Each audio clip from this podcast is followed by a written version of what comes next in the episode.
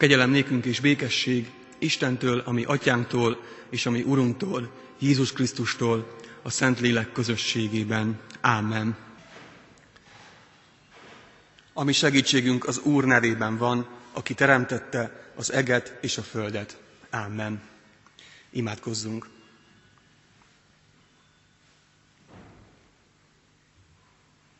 Mennyei atyánk, valóban, ahogyan az énekben is kértük, így most imádságban is megfogalmazzuk, hogy szólj hozzánk, szólíts meg bennünket. Szükségünk van a te megszólításodra, arra, hogy a nevünkön szólíts, úgy, ahogyan senki más nem tud bennünket megszólítani. Szükségünk van arra, hogy megszólításod által arra is rádöbbenjünk, hogy hol vagyunk, merre tart az életünk, és hogy merre kellene tartson az életünk. Könyörgünk, szólíts meg bennünket. Könyörgünk lelkedért, hogy munkálkodjon bennünk, hogy képessé váljunk a meghallására, megszólításodnak. Szólíts meg bennünket, igéd által, ad, hogy az esetlen emberi szavakon keresztül mégis eljusson a Te üzenetet hozzánk, az a napra kész üzenet, az a friss üzenet, ami a mi életünkre nézve fogalmazódott meg. Így vagyunk hálásak is azért, hogy ezt kérhetjük tőled, hogy megszólítasz bennünket, hogy kijelented magadat nekünk. Légy áldott azért, mert ezzel az üzenettel ajándékozol meg minket. Ámen. Isten igéjét Pálapostól Filippiekhez írt leveléből olvasom a hármas rész 12-es versétől a 16-os verséig tartó szakaszból. Amíg Isten igét olvasom és magyarázom, kérem a gyülekezet foglaljon helyet. Így szól hozzánk Isten szava a Pálapostól Filippiekhez írt leveléből, a hármas részből, a 12. verstől a 16. versig tartó szakaszból. Nem mintha már elértem volna mindezt, vagy már célnál volnék, de igyekszem, hogy meg is ragadjam, mert engem is megragadott a Krisztus Jézus.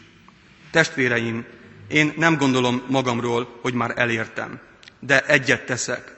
Ami mögöttem van, azt elfelejtve, ami pedig előttem van, annak nekifeszülve, futok egyenest a cél felé, Isten mennyei elhívásának a Krisztus Jézusban adott jutalmáért. Akik tehát tökéletesek vagyunk, így gondolkozzunk, és ha valamit másképpen gondoltok, azt is kijelenti majd Isten nektek, ellenben, amire eljutottatok, a szerint járjunk. Kedves testvéreim, kedves gyülekezet!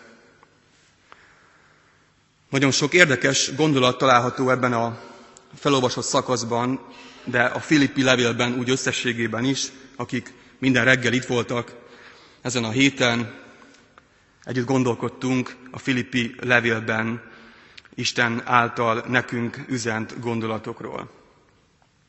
Mégis ebből a részből egyetlen szó üti meg talán leginkább a figyelmünket, ez pedig a tökéletesség szó. Akik tehát tökéletesek vagyunk. Nagyon gyakran tapasztalom azt, hogy amikor Bibliát olvasunk, vagy próbáljuk megérteni Isten szavát, nagyon könnyen ragadunk meg olyan fogalmakat, amelyek nem bibliai tartalommal rendelkeznek. A tökéletesség szó alatt is általában olyan tökéletességet értünk, ami nagyon távol áll a bibliai tökéletesség szótól. Mit értünk mi emberek általában tökéletesség alatt? Mi az, ami tökéletes? Valami, ami hibátlan, amiben nincsen hiba, amire mindenki azt tudja mondani, aki csak látja, vagy aki csak megvizsgálja, hogy ez hibátlan. Mindenkinek megfelelő, mindenki által elfogadható. És gyakran, amikor mi magunk is a tökéletességre törekszünk, akkor megpróbálunk egyszerre mindenkinek megfelelni ezen a világon. Viszont aki valaha megpróbálta már ezt, akkor rájött arra, hogy nem lehet mindenkinek megfelelni. Mert az emberek elvárásai és az emberek tökéletességről alkotott képe nagyon eltérő. Van, akinek ez a tökéletes, van, akinek az a tökéletes, és nekem egészen más valami tökéletes. Egy kicsit el is szomorodunk, vagy hogyha nem vagyunk keresztények, akkor talán fel is háborodunk azon, hogy hogyan mondhatja valaki magáról azt, hogy ő tökéletes, vagy Isten hogyan várhatja el tőlünk, hogy mi tökéletesek legyünk. Jézus a hegyi beszédben azt mondja, hogy legyetek tökéletesek, hogy a mennyei atyátok tökéletes. Nagyon nagy bajban vagyunk, hogyha ez a tökéletesség szó azt jelenti, amit mi általában értünk rajta, a hibátlan, a mindenki által elfogadható és a mindenkinek megfelelő ember, vagy élet, vagy dolog, vagy munka, vagy bármi. De nem erről van szó.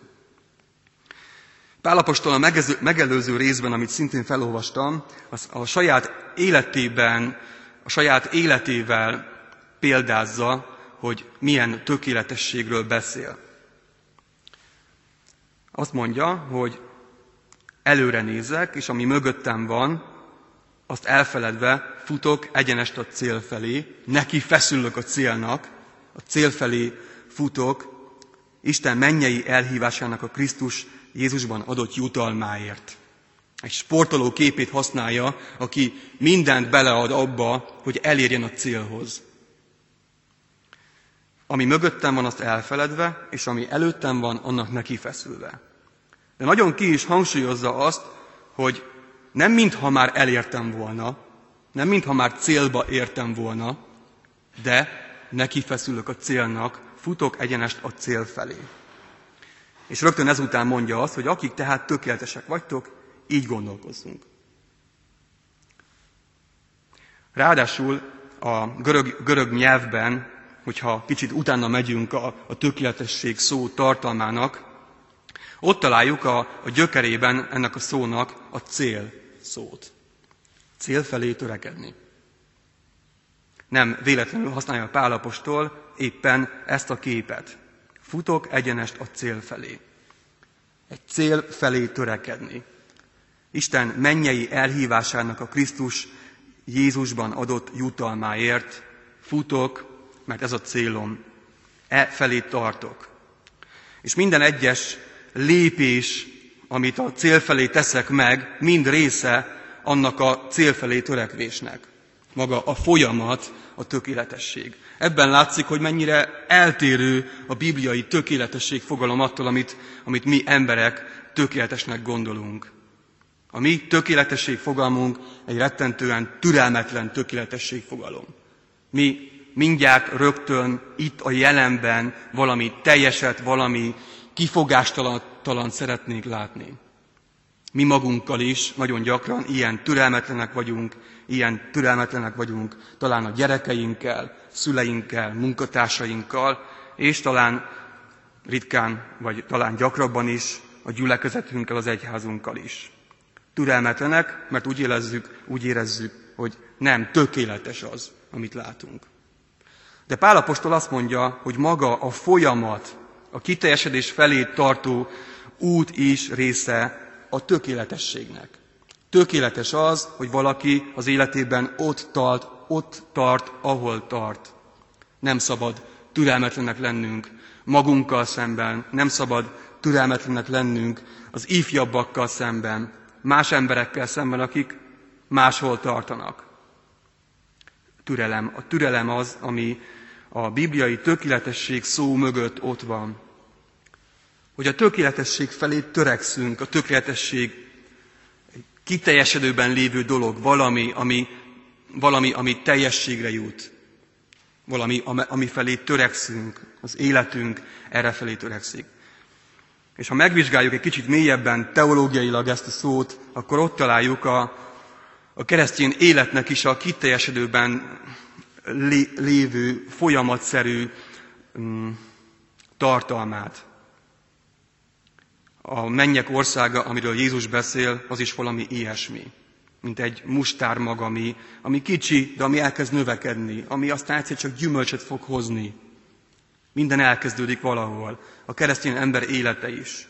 Ezzel együtt, ezért is tragikus az, amikor úgy gondolkodunk a, a keresztény életről, vagy az életről, hogy megtértünk, most már Isten gyermekei vagyunk, Most már csak az a dolgunk, hogy ezt az állapotot megőrizzük. Betonozzuk be magunkat ebbe a megtérésbe, őrizzük meg azt, amit elértünk, és ne haladjunk sehová, mert minden haladás csak romlás jelent ahhoz képest, amit elértünk. A keresztény ember élete folyamat. Pálapostól ugyanebben a levélben arról is beszél, hogy részesülni a Krisztus szenvedésében, épp itt előtt, az előtte lévő részben, Krisztus szenvedésében részesülni, Krisztus halálában részesülni, és feltámadásában részesülni, részesévé válni Krisztus életének.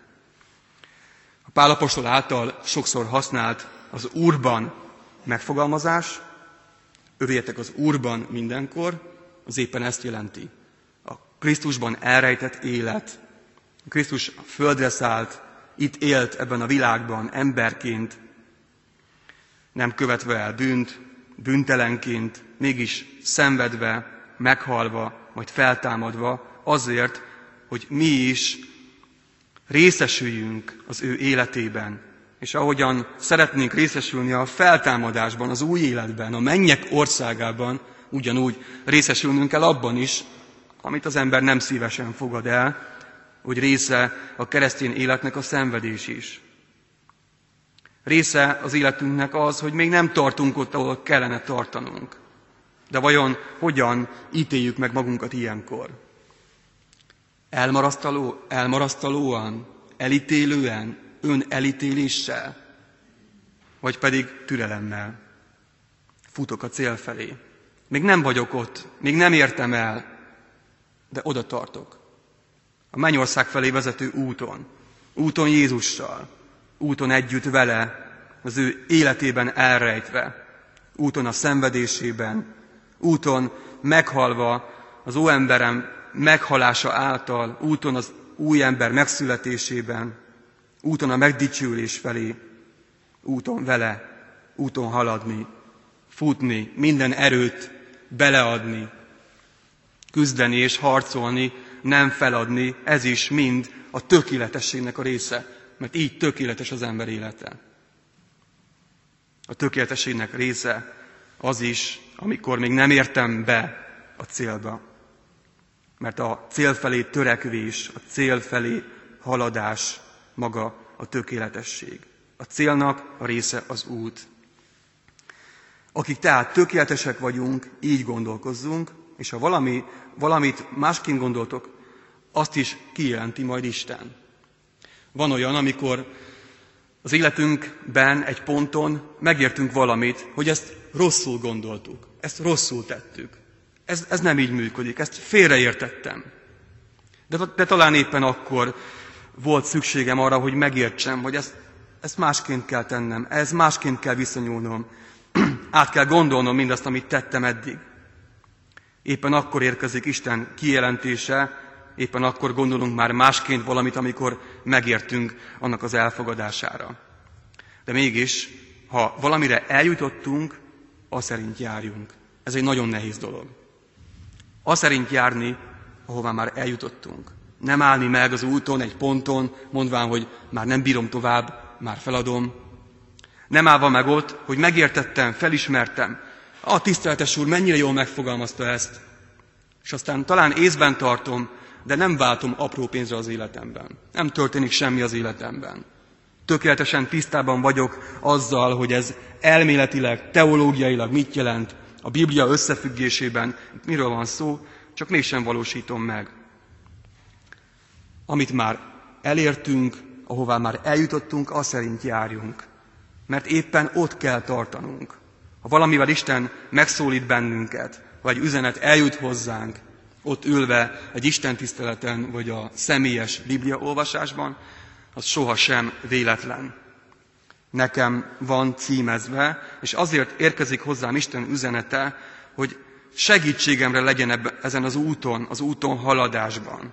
Van olyan, hogy az ember elfáradva, kicsit vagy nagyon tanástalanul, vagy elkeseredve leül ennek az útnak ott a szélén valahol, és azon gondolkodik, hogy most mégis hogyan kellene tovább menni.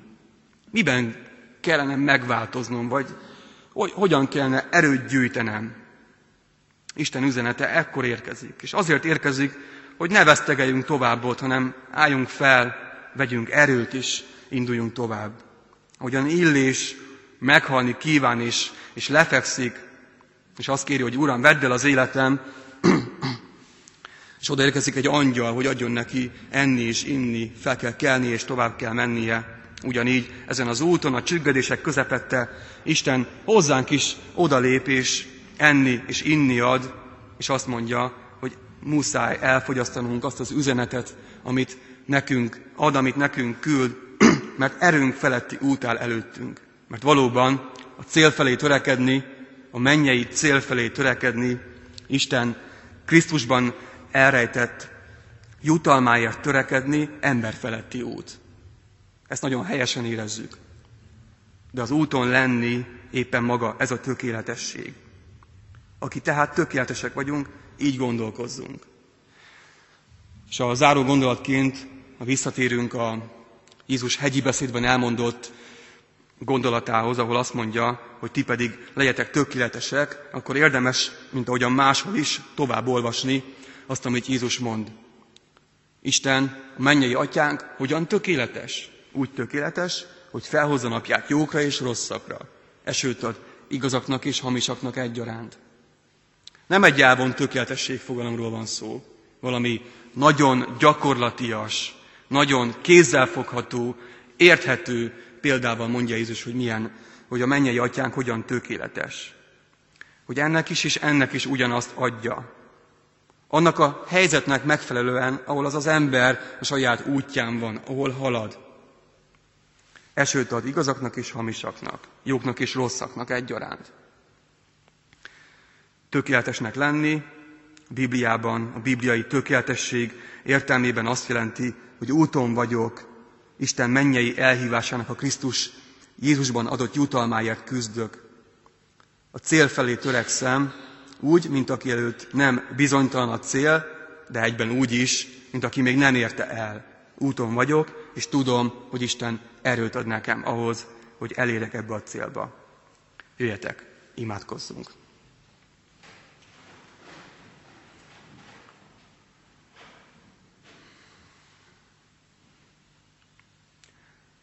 Istenünk, köszönjük neked, hogy, hogy van célja és van értelme az életünknek. Köszönjük, hogy nem, a, nem hiába való célokért kell küzdenünk. Köszönjük, hogy tarthat valahová az életünk. De ugyanakkor szeretnénk előtted feltárni azt, hogy milyen gyakran nem érezzük, hogy az életünk tartana valahová. Bizonytalanok vagyunk, talán kétségbe esettek vagyunk. Van olyan, hogy nem látjuk a célt, nem látjuk azt a világosságot, amiről beszélsz. Kérünk, hogy légy velünk akkor is, amikor úgy érezzük, hogy most nagyon jól megy a szekér, ad, hogy legyen bennünk az az alázat, ami Pál apostolban is volt.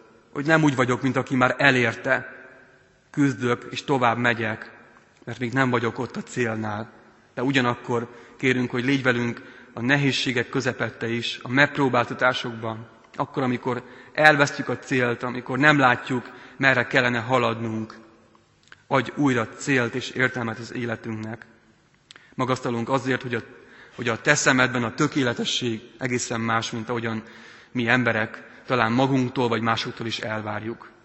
Köszönjük, hogy a, az út, amin haladunk, az is része annak a tökéletességnek, amit tőlünk, tőlünk vársz.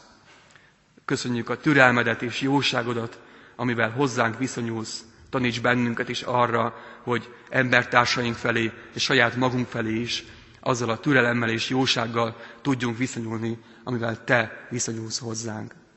Így kérünk, hogy áld meg hétvégénket, pihenésünket, légy velünk az éjszakában. Köszönjük, hogy hozzád fordulhattunk is, meghallgattál minket, fiadért.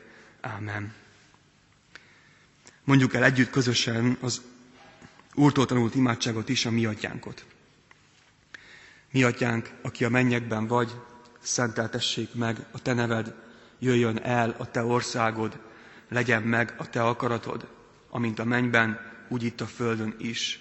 Minden napi kenyerünket add meg nékünk ma, és bocsásd meg védkeinket, miképpen mi is megbocsátunk az ellenünk védkezőknek.